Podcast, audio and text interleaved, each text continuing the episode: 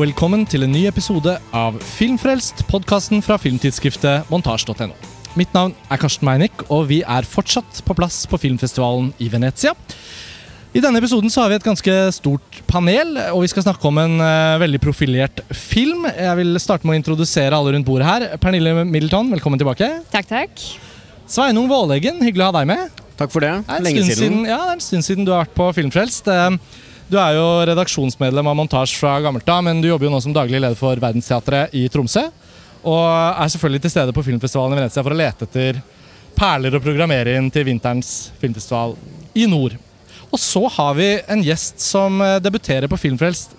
Mats Halvorsen, velkommen til podkasten vår. Takk, takk. Veldig hyggelig å ha deg med. Du er jo anmelder i Filmmagasinet, i tillegg til å jobbe for diverse norske filmfestivaler. I tillegg er det din aller første gang i Venezia. Det er det. Um, hva er liksom førsteinntrykket til nå? Førsteinntrykket er at det er sjukt varmt. Uh, det er jo været sin skyld. Jeg er også imponert eh, av festivalen, selv om det ikke har vært helt det store høydepunktet filmatisk ennå. Men ikke for lange køer, og ikke for mye stress, Mm, eller? Nei, det går greit. Stresset tåler jeg. Det kjenner vi alle Mm. på. Vi skal snakke om Todd Phillips' nye film 'Joker'. Eh, og Det er jo, som de fleste sikkert vet, en studiofilm, og det er en tegneserieadaptasjon. Men det er også en film som er tatt ut i hovedkonkurransen. Og Hvis noen savner Lars Ole Kristiansen, vårt faste medlem, så sitter han her ved bordet, men vi har bare fire mikrofoner, og han har meldt seg frivillig til å stå av. Eh, Etter dusinvis av episoder på rad så tar han en pause, men kimer inn mot slutten om han skulle brenne inne med noe etter at vi har diskutert filmen. Og de av lytterne som måtte være redde for spoilers, og som gleder seg til en ny film fra DC-universet, og som kanskje har forventninger til hva denne vrien på, på Batman-filmografien på en måte blir, med et fokus på Joker, så tenker jeg at vi snakker litt sånn løst og fast om filmen uten spoilers først. Og så tar vi kanskje og sier fra om spoilers, for det blir unaturlig å ikke snakke litt om hva slags film dette er. Um, uh, Pernille, jeg får starte med deg. da. Uh, Hva slags forventninger hadde du til, til denne filmen? Hadde helt middels forventninger fram til jeg fikk vite at den var tatt ut i hovedkonkurransen. For da tenker jeg det er automatisk et kvalitetssymbol. Uh, vanligvis ville kanskje en storfilm av, av, dette, av denne rangen være out of competition. Sånn som f.eks. A Star Is Born i fjor, en sånn publikums crowd pleaser. Mm. Uh, men, uh, og etter å ha sett traileren og at jeg innså at dette her er jo mest sannsynlig noe av det mørkeste vi kommer til å se fra, fra dette universet, så steg forventningene betraktelig mer. Mm. Og jeg kan jo bare si at det ble mer enn innfridd. ja. Ja. Jeg glemte å si at Joaquin Phoenix spiller jo Joker, eh, men det har kanskje mange fått med seg. Det er en film jeg føler virkelig er på radaren, og den traileren har jo Jeg tror det kommer til trailer nummer to nå. Jeg så ikke den rett før vi skulle se filmen, siden vi skulle se filmen i dag, men eh, For ikke å snakke om at også posteren er helt vidunderlig ja, det er vakker. noe med alt materiellet, alle bildene i traileren. Bare Du får sånn veldig gode vibber på hva slags Mm. film dette er. Og Sveinung, det, jeg tenker eh, Hvis vi skal se på sånn Justice League og Aquaman og Batman versus Superman og sånn Jeg føler jo ikke at eh, autentisitet og grovkornet skuespiller, karakterdrevet superheltfilm har vært det Warner har holdt på med med DC-universet de siste filmene. Hva, hva liksom, hvor står du hvis vi tenker liksom på fra Nolan-filmene da, og så inn i det som har foregått de siste filmene? Du, ser du alle disse, eller? Jeg har uh, stoppa litt å se de Marvel-filmene, må jeg innrømme. Jeg holdt følge en stund, og nå har jeg bare mista interessen totalt. Jeg syns veldig få av de eh, Marvel-filmene er ordentlig gode og interessante. Ehm, og min forventning til filmen var vel at den, skulle være, at den egentlig skulle være noe helt annet enn de superheltfilmene vi har sett de siste åra. Eh, og jeg var også veldig nysgjerrig på at Todd Phillips var regissøren. Ja. Det virka som han hadde noe å bevise. Ja, det må vi jo komme litt inn på uh, etter hvert. Jeg Ja. synes også det var en veldig interessant krok inn i dette verket. Ja, så jeg hadde, hadde en forventning om at det, det skulle være noe helt annet. Jeg, jeg prøvde å liksom koble litt ut den superheltinnfallsvinkelen, og det eh, Etter å ha sett filmen nå, så føler jeg at det Ja, det Det innfridde. Det var riktig. Ja. Eh, Mats, den påkaller jo også en del sånn 70-tallsvibber. Filmen er jo satt til starten av 80-tallet, men og Gotham og New York har jo alltid vært to paralleller, føler jeg. Og, og, og, de som husker amerikansk 70-tallsfilm som var skutt i New York, husker jo også en skitten storby med nedtaggede T-banevogner. Og alt det er jo veldig sånn dratt inn her i dette universet. Hva du liksom, hva var ditt førsteinntrykk i filmen av hvordan de hadde løst det? Og liksom settingen for eh, Gotham? Jeg syns det, det kledde den veldig godt, og nå har vi snakket om de andre DC-filmene som også blir veldig eh, Mer sånn fantastiske og stygge, mens denne kjennes mer troverdig og mer referanserik til noe som er kvalitet, og som ikke bare er dette stygge fantasiuniverset som de tidlige nå DC-filmene har vært, som den liksom ikke er i slekt med engang, syns jeg. Nei. Enig. Og også det at det er et så stort fravær av CGI, gjør jo at denne eh, går høyt opp uh, over de alle Den danker de ut og pisser på dem, rett og slett, de andre filmene i dette universet, som da er uh, CGI-makkverk i, i, til sammenligning. Ja, altså, for å si noe selv om dette, da. eh, Etter å ha tatt runden, så må jeg jo innrømme at det, det står jo ikke på interessen for nødvendigvis superheltfilm. Men det står litt på eh, hvor mye eh, CGI-destruksjon og CGI-monstre og, og, og CGI-fjerning av barter man kan tåle, før man til slutt bare opplever hele dritten som syntetisk. Og det er sånn jeg sitter igjen. da At Selv hvis noen lagde en litt bra story inni det universet nå, men med like mye av det som føles som liksom sånn søplete visuelt stoff, da som vi bare må ta inn, så, så, så til slutt så sier man nei takk, liksom, jeg vil ikke. Og alt det er jo da borte fra denne filmen, og jeg tenker at det er eh, egentlig et slags mesterverk. eh, og jeg vet at de fleste av oss syns det var en veldig bra film. Så får vi diskutere litt om vi er enige om alt, men, men jeg må innrømme at jeg, jeg syns den var helt fantastisk bra. Og det handler jo om et par av de grunnleggende valgene som er tatt her. Altså, det er et karakterfokus som, som må ligge til grunn for at en, en sånn type film skal fungere. Joker, eller Arthur Fleck, som han heter, spilt av Joaquin Phoenix, er bare en så fantastisk bra karakter, og den tåler jo faktisk sammenligning med Heath Ledgers Joker. De er så forskjellige at det er liksom ikke sånn at han prøver å gjøre det samme, men de står ved siden av hverandre, og det hadde jeg ikke trodd jeg skulle si.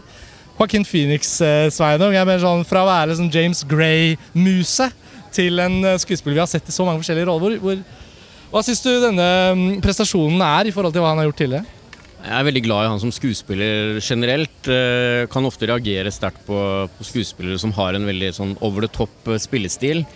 eh, Og hvor det ofte kan gli litt over i det teatralske og i overkant voldsomme. Men jeg, jeg syns han har noe ved seg. Det føles så autentisk alltid med den galskapen som han eh, projiserer i sine karakterer.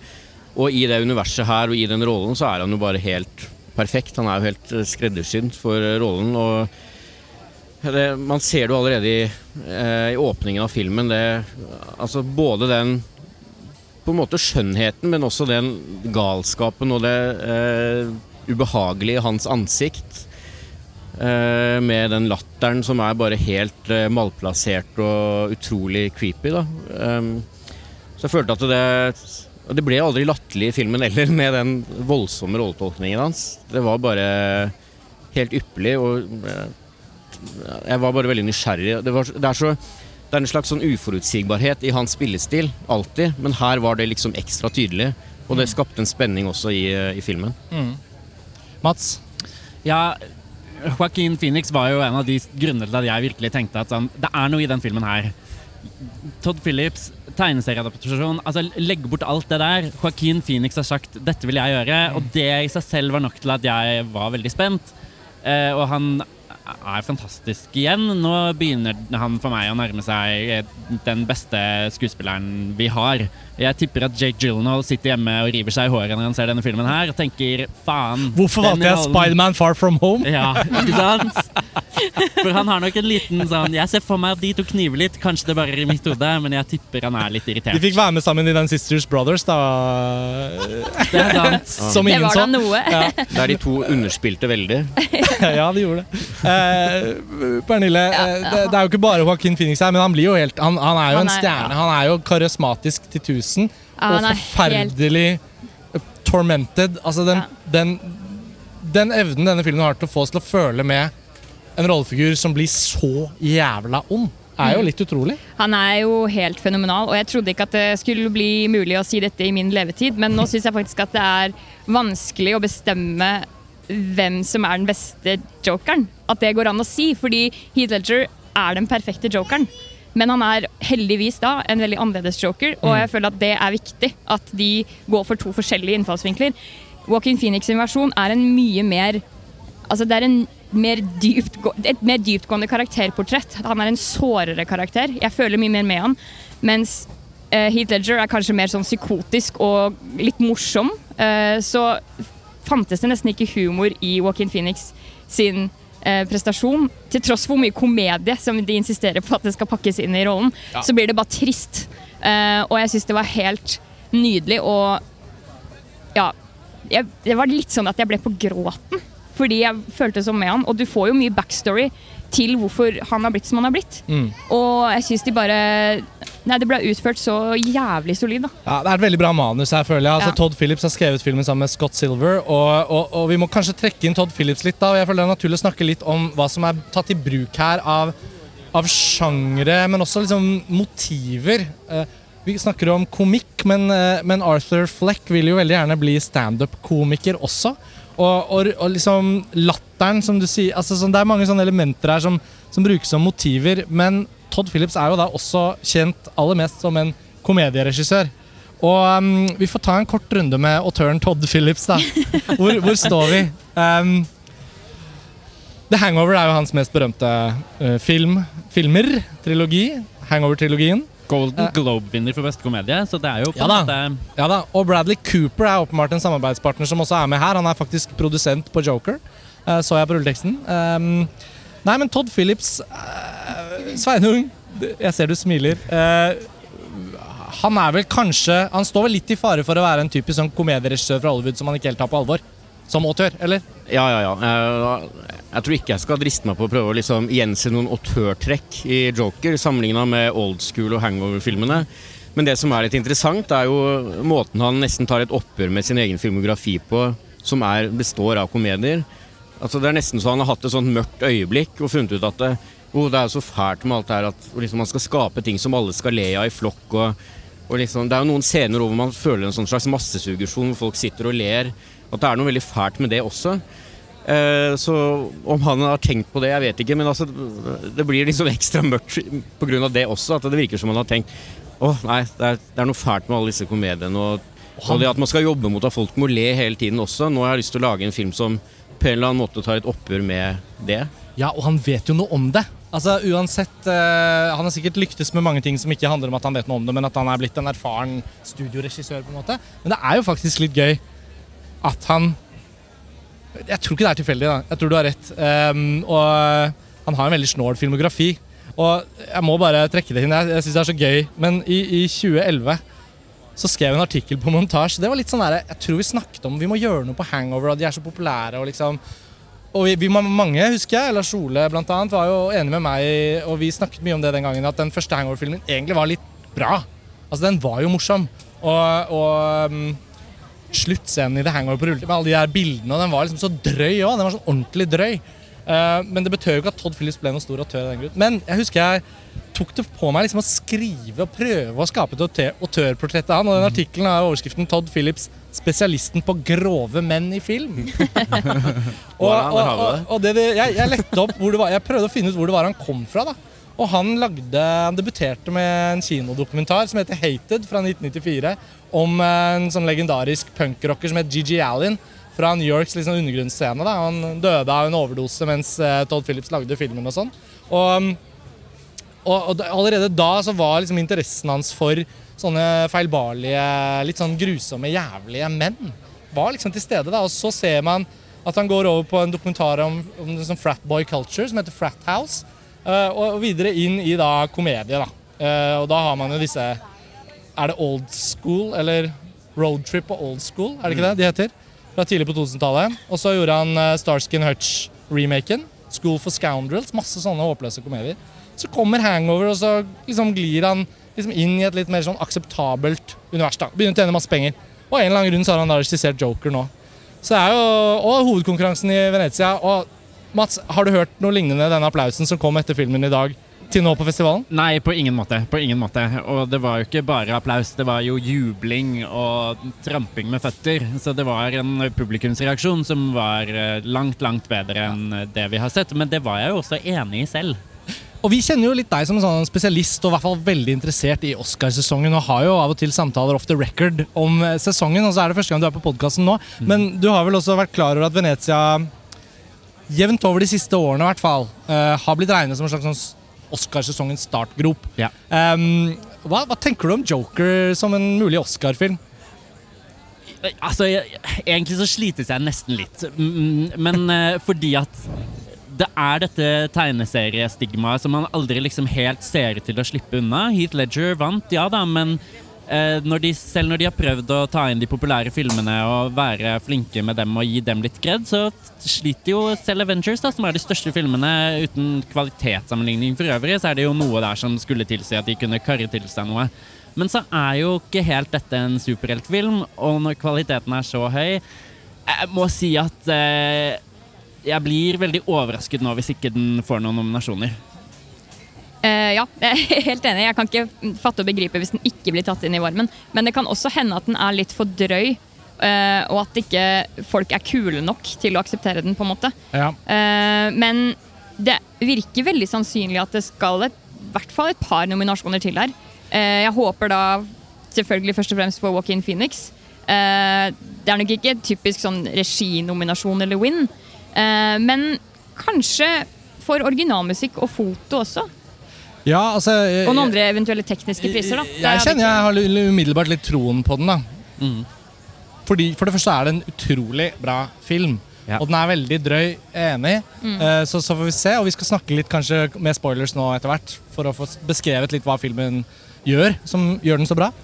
Men det føles som om hele liksom, produksjonsdesignet altså De har brukt Mark Bridges på kostymer, som gjorde Phantom Thread for Paul Thomas Anderson. Mm. Eh, hun uh, Hildur Gudnars, Gudn, Gudrunsdottir, jeg tror det er det, jeg husker ikke helt. Islandsk ung ny komponist som jobbet masse med Johan Johansson, som gjorde Sicario 2, som gjorde Tsjernobyl på HBO, og som nå har gjort denne. Altså, det er jo fantastisk bra musikk i den. Masse, ikke særlig mye synt og sånn, gått litt mer over i sånn cello og noen dundrende Det var masse bra fagarbeid her, da. Det var Så den- tung musikk, og det passet utrolig godt til den Og, mørke og om ikke den får for regi og manus og sånn, hvor den kanskje da får litt av det stigmaet mot tegneseriefilm og sånn, så ligger den i hvert fall ekstremt godt an i mange fagkategorier. Da. Logan karret jo til seg en manusnominasjon for et par år siden, som Det er sant, det er James nærmest Mangold. kjennes utrolig. Men det er jo også en mørkere og litt på siden av det superheltuniverset som den på en måte egentlig tilhører. Så det Ja. kan jo love litt godt. Og la oss ikke glemme at Black Panther ble tatt inn i varmen, så hvis ikke denne blir det, så kan man ikke bruke Ah, det, det superheltargumentet, superhelt. Ja, det Argumentet, i Black hvert fall. Black Panther var jo veldig eh, woke, og Ja, liksom woke. i det klimaet Altså, den, den passa jo perfekt sånn sett. Dette er jo en film som Altså, Den har en sårbarhet over seg og også en varme for sin hovedkarakter, men det er jo også en slags sånn nesten republikansk kynisme i filmen, som minner nesten litt om sånn Death Wish og, og igjen tilbake til sånn 70-talls New. York, tidlig 80-tall. Nesten litt Abel Ferrara og Ja, ja. og også De Palma og sånt, som er i bytegningen og den der, det forferdelige sånn derre åh. Ja. Clint Eastwood og Dirty Harry kommer nå inn fra sidelinjen. Lars Ole uten mikrofon. Så, Jeg tror dere eh, foretrekker han med mikrofon, men det er spennende uten mikrofon. Um, uh, ok, Herfra tenker jeg vi kjører spoilere. Er vi enige? Ok. Ok. De av lytterne som ikke har sett filmen, uh, skru av her og så hør ferdig episoden når dere har sett den. Uh, det er bare å glede seg til Joker. Ok, vi kjører spoilere. Det er jo så sant, Sveinung, at noe av denne filmens liksom mer sånn fantastiske valg er jo at den går ned den stien. At det er Taxi Driver, at det er tidlig Altså det er Abel Ferrara, King of Comedy, herregud. Og, og det er så mange Og så drar den så jævlig langt. Mm. Eh, Det er masse vold. Masse drøy vold. Og liksom kompromissløst uh, skildret, på en måte. Veldig kompromissløst. Eh, Det er en sluttscene som jeg kanskje skulle vært foruten, hvor jeg følte at det var Jeg vet ikke, Det virka litt som en produsentavgjørelse at den skulle være inne, og i tillegg til noen, eh, noen sånne flashbacks eh, for å på en måte gi oss en dypere forståelse av hva som er sant og ikke, og hva som er i hans hode. Men ellers en helt utrolig kompromissløs film, så jeg må bare Jeg er bare så imponert over at den er lagd, en så stor film, Ja. i 2019, og som slipper gjennom nåløyet. Med så overraskende voldsscener òg, når de først dukker opp. Ja, det smeller skikkelig. Det smeller skikkelig. Eh, jeg vet ikke Hva slags forhold Mats har du til liksom Batman og, og, og Joker og liksom bare Gotham City, hele universet, de forskjellige rollefigurene. Sånn, fordi den føles jo ganske frittstående, denne, men jeg tipper jo at Warner ønsker å kunne lese den inn i kanoen fordi den er satt til da tidlig 80-tall. Når foreldrene til eh, Bruce Wayne kommer ut av en kino der på slutten, så er det jo Blowout som vises eh, ved siden av en annen film, så vi må jo være i 1981, kanskje. Og, og, og da gjør det jo at den kan eksistere for så vidt inn mot universet og sånn. Men jeg vet ikke, hva, hva, hva Syns du det var bra at Wayne-familien var trukket såpass konkret inn der på slutten? Det er jo sånne ting jeg tenker kanskje mange være litt uenige om. Jeg syns nok det var greit så lenge de allerede hadde etablert Thomas Wayne som karakter i filmen. Mm. For da måtte det på en måte skje noe med det. Eh, jeg, det hadde nok ikke gjort meg noe om de var helt ute alle sammen, så lenge filmen og historien i seg selv var så sterk som den var. Men så skjønner jeg jo litt òg at det, det er jo Joker, så det kjennes kanskje litt som uunngåelig at man Mm. må ha det med. Mm. Eh, men så Ja, nei, det var Det fungerte, Mm. syns jeg. Og Scorsese-koblingen, Sveinung, fordi var du, jo, du var jo på vei dit eh, i forrige resonnementet ditt. Hva Syns du det var eh, for on the nose eh, som en referanse? Kanskje særlig King of Comedy?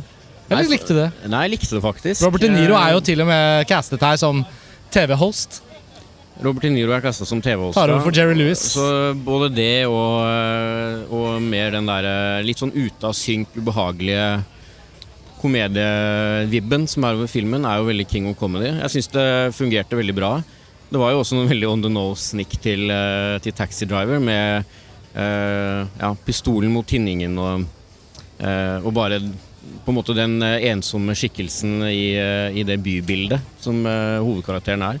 Men jeg, jeg, jeg syns ikke filmen ser ut som en Scorsese-film utover det. Jeg syns ikke det var en film som var sånn åpenbart inspirert av Scorsese sånn visuelt eller sånn Ja, utover noen av de tematiske grepene og den litt sånn uh, ugne følelsen i de nevnte filmene. Så jeg syns det fungerte kjempebra. Jeg, var, jeg likte det. Ja, Mm. ja enig. Noe jeg syns var veldig fint, og også ganske rørende, er jo at eh, i tillegg til alt det som du sier nå, så virker det som at Todd Phillips på en måte kjører litt sånn homasj til opptil flere her, da. Eh, også inkludert, og kanskje viktigst her, Christopher Nolan.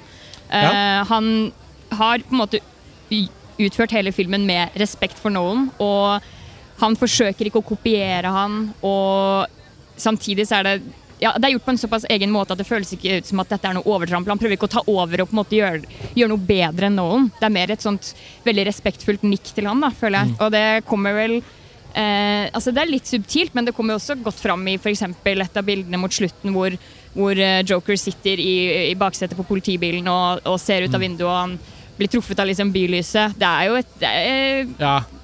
utrolig likt bilde som vi har Ja. sett i Dark Knight. Da Så- tenkte jeg, Pernille, at, at Phillips faktisk ga et nikk. Ja. Det måtte være sånn, for Ja. det er så berømt, det bildet hvor Heath Ledger riktignok henger ut av Ja. politibilvinduet, og politibilen kjører sånn svingete. Det er jo ikke, det er ikke helt identisk her, men det er likevel umulig å Han kommer seg jo også ut av bilen her. Ja, ja, ja. Så det er, Det er umulig ikke tenke det. Og jeg synes det var en fin måte å, å nikke til Nolan på. Da. Og, eh, noe av det leieste med hele den DC-behandlingen Warner Bros. har holdt på med etter The Dark Knight Rises, er jo at det føltes liksom ikke som om de i det hele tatt skulle bry seg med at Nolan-filmene, de tre Batman-filmene, sto der.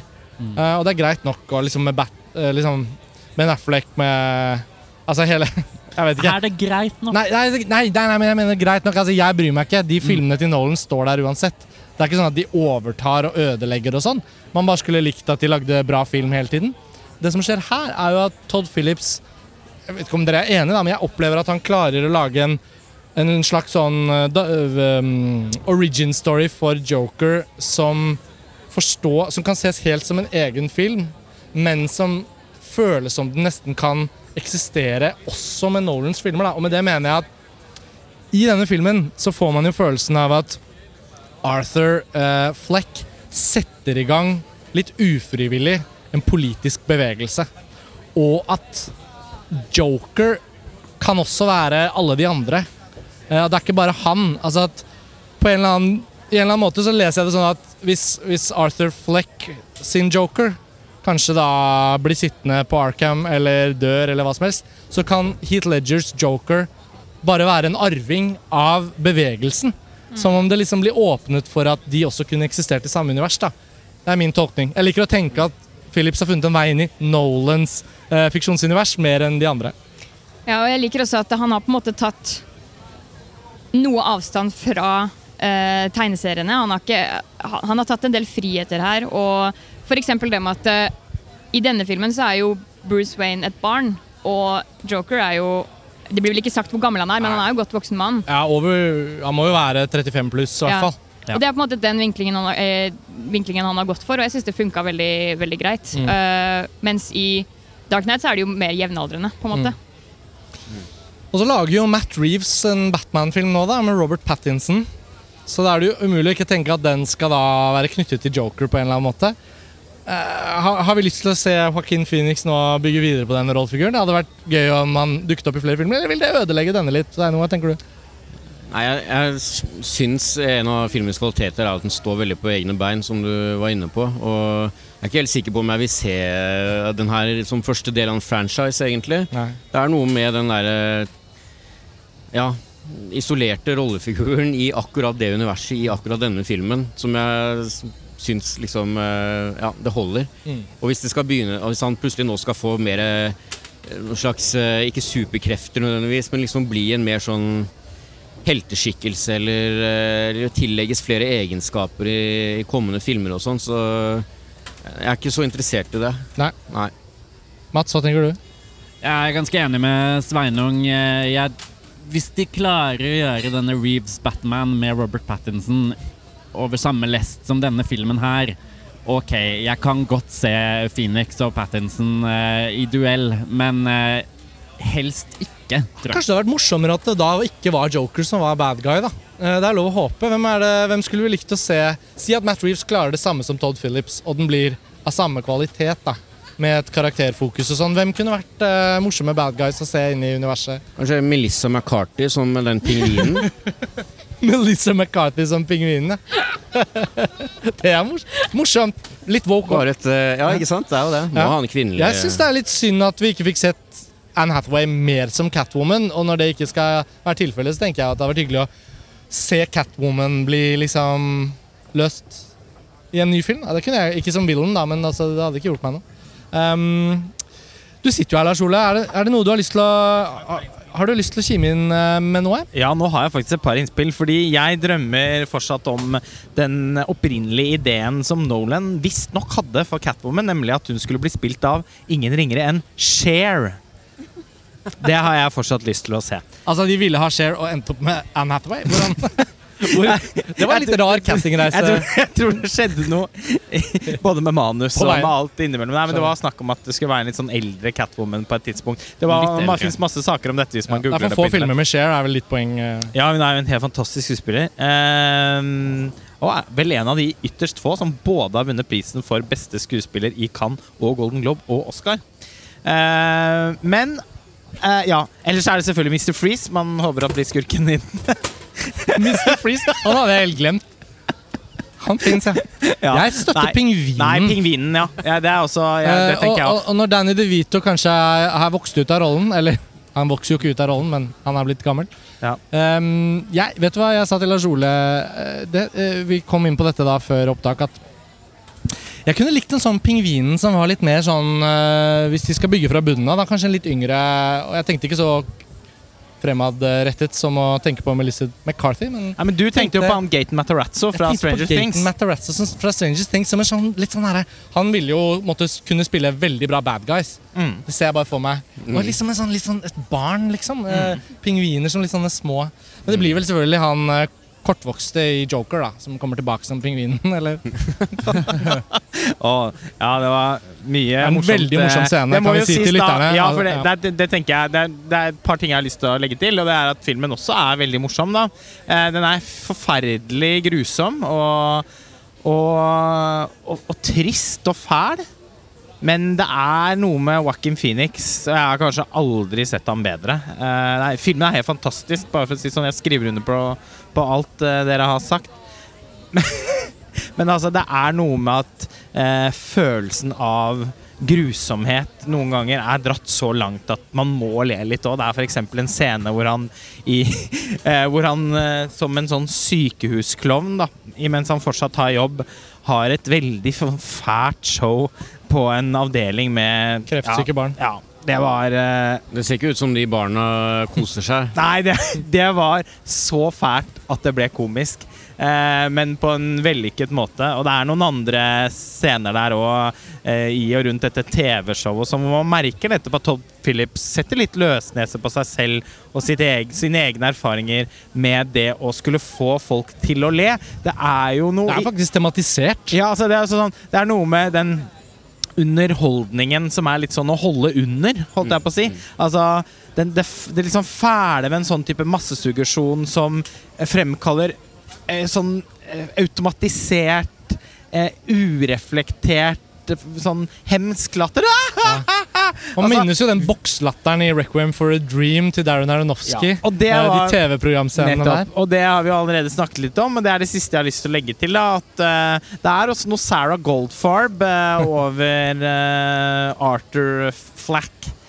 Og det var vanskelig, syns jeg, å ikke Selv om filmen da helt opplagt er inspirert av henholdsvis Taxi Driver og The King of Comedy, og, og de filmene blir hyppig referert til, så var Darren Aronofsky den regissøren som jeg fikk sterkest assosiasjoner til. Jeg hadde ikke jeg- Altså, jeg hadde ikke kløpet meg i armen hvis dette hadde liksom vært en Aronofsky-film. Mm. Da hadde jeg tenkt at wow. Hvis det var blindtest uten Ja. rulletekst, ja, du skulle da si hadde jeg liksom tenkt at dette er Aronofsky. Han har jo før også vært interessert i å lage superheltfilmer, Wolverine blant annet. Ja. Så da hadde jeg liksom tenkt at wow, her har liksom Aronofsky holdt litt tilbake. Og det kler denne fortellingen veldig. Fordi det var det er også noe slags kroppshorror her. Altså, Joaquin Phoenix sa jo da Han er jo rademager. Og han har et veldig Han er jo både veldig vakker, og så har han noe litt sånn heslig over seg Så Det her eh, jeg har aldri sett ham verken fælere eller vakrere enn i den filmen her. Og måten eh, Todd Phillips og fotografen liksom var interessert i hans kropp på, det fikk meg til å tenke på Aronofsky generelt, og spesielt uh, The Wrestler og, og, og Black Swan. Og så har jeg også lyst til å si at det er, han har også Det er noe sånn komplisert over seksualiteten hans òg, er det ikke det? Altså, han, sitter, han er jo han er veldig feminin, uh, men han begjærer en eller annen dame eh, i, i boligblokka. Han begjærer også moren sin. Det er et kaos av instinkter og følelser her. Og han eh, eh, Og det er også morsomt at han, han er glad i å danse. Eh, det er ganske sånn Det gis ganske mye plass i filmen. Han liker å ta seg en trall. Uh, han får også sin egen sånn 'Singing in the Rain'-scene på en sånn kjempemessig trapp, som flere ganger på sånn tysk ekspresjonistaktig vis eh, Tysk ekspresjonismeaktigvis blir brukt som noe truende i filmen. Det er jo veldig, veldig veldig fæle de scenene hvor han går rundt i byen. Mm. Eh, aldri har New York er jo basically New York, eh, Gotham. En slags miks av New York og Chicago, men mest New York, i hvert fall i denne filmen. New York på 70-tallet, da liksom Times Square var et, eh, et høl. Eh, et åpent sår. Han, det er veldig fæle, syns jeg. De ganske seige sekvensene bare går rundt, mange av de tidlige i filmen. Men, han, men den trappen til slutt, så, så når han liksom tar litt sånn makten over seg selv, så, så tar han en skikkelig litt sånn lang dansetrall i den trappen. Og det er jo da også etter at vi har sett at han har sett på musikaler med Fred Astaire og Gene Kelly på TV-en i den forferdelige leiligheten hvor han har levd sitt liv. Mats, vi snakket jo litt om Joaquin Phoenix her i stad også. Altså, dette fysiske aspektet som Lars Ole trekker inn nå, det føler jeg også at Er det litt en side vi ikke har sett så mye av på den samme måten? Den derre dansingen hans, som du sier, det er nærmest han er over i en slags sånn derre uh, Hva heter den der kinesiske uh, feng, Ja, no, det er noe der, og det er noe Tai chi. Og det er noe, ja, tai chi. ja, det er litt Kanskje det er noe feng shui der òg? Tai chi Er det noe, er det noe Jeg vet ikke om det var feng shui i den leiligheten, men eh, Hva, det altså, var, var ikke så mye feng shui der i den leiligheten. Nei, det var det ikke. Men dette gestaltet til Phoenix Jeg føler han gir oss enda et ledd av det han kan. Ja, det syns jeg også. Det Mer var enn før? kanskje mer kroppslig fysisk rolle. Han har jo vært litt kameleon i mange år og Ja. sett veldig annerledes ut fra film til film. Ja. Jeg overhørte en eh, amerikaner i en eh, kø her i stad som eh, mente at dette var egentlig bare sammenkok av tre tidligere Phoenix-roller. Og da, det var nesten så jeg brøt inn for å spørre hvilke tre han snakket om. For det er jo, me, på en måte. det måtte jo være Jeg skjønner ikke hva han mener. Eh, jeg syns også dette er Det er en viderebygging, kanskje, men det er mm. nesten en sånn Ja, du kan dette også. Mm. Det er liksom ikke grenser nå for hva Phoenix klarer. Ja, for han er på en måte ikke Han er ikke en Christian Bale på den måten. Med transformasjoner med kroppen og Altså, han har alltid vært en sinnssykt solid skuespiller, men man har jo ikke sett han så ut av sin egen natur før som vi har gjort nå. Han har gått ned i vekt, i hvert fall. Det er det vel ingen tvil om. Også... Så Litt som maskinist. eh, Ja, så tenker jeg vel at det er den der kombinasjonen av det jeg føler, som Lars Ole var litt inne på, at eh, måten han, han liksom bare uttrykker seg fysisk Mm. Det er som om han Sikkert i samarbeid med Tolt Phillips har de funnet ut at kanskje det er vel så greit i denne scenen at han bare uttrykker hele greia si i en form for sånn transeaktig kroppsbevegelse. Og det er jo litt tøft å se. Jeg tenker Det er, burde ikke være så vanskelig for flere filmskapere å, å bruke aktører fysisk på den måten, uten at de skal være dansere av den grunn, eller at det skal bli en musikal, men bare det å se noen bevege seg. Det, kan også være mer realistisk. Mennesker er jo litt sånn. Vi kan alle bare plutselig finne en sånn del av oss selv som trenger å bevege oss litt. Og det er veldig bra utnyttet her. Um, Ja, En ting er liksom at han er blitt tynn, men hele kroppen hans ser liksom hele tiden litt, litt off ut. mm. Bena er kanskje Gollum, litt liksom. for lange, ryggen er litt for krum, og det er hele tiden noe som er liksom litt galt. Mm. Vi får nesten eh, oppsummere, begynne å oppsummere. Har du noe mer på hjertet, Lars Ole, før vi Nei, Da var det i så fall bare en eh, liten sånn morsomhet rundt at eh, når dere snakker om en ja, nei, for filmen er jo ikke en musikal. Nei. Men eh, det hadde kanskje egentlig vært litt morsomt hvis man som en slags homasj til den første Batman-filmatiseringen Altså, Den var jo selvfølgelig også en serie tidligere, og sånn, men Men du tenker på Tim Burtons? ja, fordi det hadde jo vært litt gøy med en Prince-sang inni her, tenker jeg. Fordi det var jo litt et soundtrack her også. Med noen uh, slutten av 70-, tidlig 80-tallslåter. Mm. Så en, noe sånn Sign of the Times eller noe sånt noe inni her, det hadde ikke vært helt feil. Men uh, ja, nei, hva mer kan man ønske seg enn en så tindrende sterk og sjokkerende og, og, og interessant blockbuster Ja. som Joker tross alt er. Ja. Det er jo helt uh, utvilsomt uh, den beste filmen vi jeg har sett på festivalen så langt. Så hjelp meg litt med norsk premieredato her. Er det med oktober uh, Nå har jeg ikke dobbeltsjekket det, men det Jeg er kan jo litt... usikker, men det er til det er høsten. oktober. ja, Nå kan jo lytterne eventuelt det sjekke det opp. her for et par uker siden, Ja. så hvis det ikke har endret seg, så Ja. er det i oktober. Si om en måneds, drøy måneds tid så er det norsk kinopremiere. Eh, vi kommer nok til å høre mye om denne filmen gjennom award season også. Eh, jeg, jeg, jeg, jeg, kan nesten ikke tro at den ikke kan bli Oscar-nominert. i hvert fall. Joaquin Phoenix kommer til å endelig vinne for beste hovedrolle. Det føler jeg meg Han er due. Ja, og Tross jeg tenker at uh, her har de en helt unik mulighet som de ikke kommer til å ikke benytte seg av. Ja. Jeg er litt mer uh, prispositiv uh, enn dere andre ga uttrykk for i stad. Jeg tror denne filmen kommer til å få veldig mange nominasjoner. ja. Jeg tror det er den eneste anledningen man har hatt til at en superhelt på en måte, eller tegneserieadaptasjon kan få nominasjoner etter Dark Knight. Altså, det har ikke vært noen andre som har Man har, drøm, man har liksom Eller noen Logan jeg- var liksom kanskje det nærmeste ja, Jeg har kom. overhodet ikke drømt om det, men Nei. mange har Nei, men liksom drømt helt- om at, at det skal skje. Ikke minst folk som da tenker at det er viktig for Oscar og nå brer ut og sånn. Og Mm. så har, jo, har det ikke lyktes, men det er jo også fordi det ikke har kommet noen filmer som har vært nok i sjiktet mellom å være en blockbuster, men også være en, kun, en film Ja, på et veldig høyt kunstnerisk nivå. Med en tydelig, altså, med en tydelig signatur, da. Eh, Selv om jeg i likhet med Sveinung sliter veldig med å sette denne i et slags sånn autørperspektiv for Todd Phillips en del, så, så på en måte relanserer han jo seg selv da, som filmskaper. Mm. Filmen er også skutt på film, eh, vil jeg tro. Den ser i hvert fall helt Alt fantastisk ut. tilsier det. Jeg tipper at denne kommer til å få nominasjoner både for musikk og foto og klipp. eh, Produksjonsdesign, og, ma og manus. Kostymer. Produks det var fantastisk produksjonsdesign. Ja. Eh, det så jo ut som Altså, det var sånn på Jonathan Demi-nivå. Eh, og Og så var det jo nesten ikke én CGI-effekt i hele filmen som vi liksom kunne spotte. Vi vet jo selvfølgelig at det er masse green screen og masse sånn som gjøres i det små. ja, jeg det- tror Todd Phillips får en reginominasjon. Bare si, så får vi se. Det Ja. blir kanskje jeg sitter igjen med svartbær, men uh, det blir meg ikke noe. Uh, Pernille, Mats, Sveinung, noen siste ting dere har lyst til å, å legge til? Jeg føler det meste har blitt det sagt. meste har blitt egentlig. sagt. Sveinung?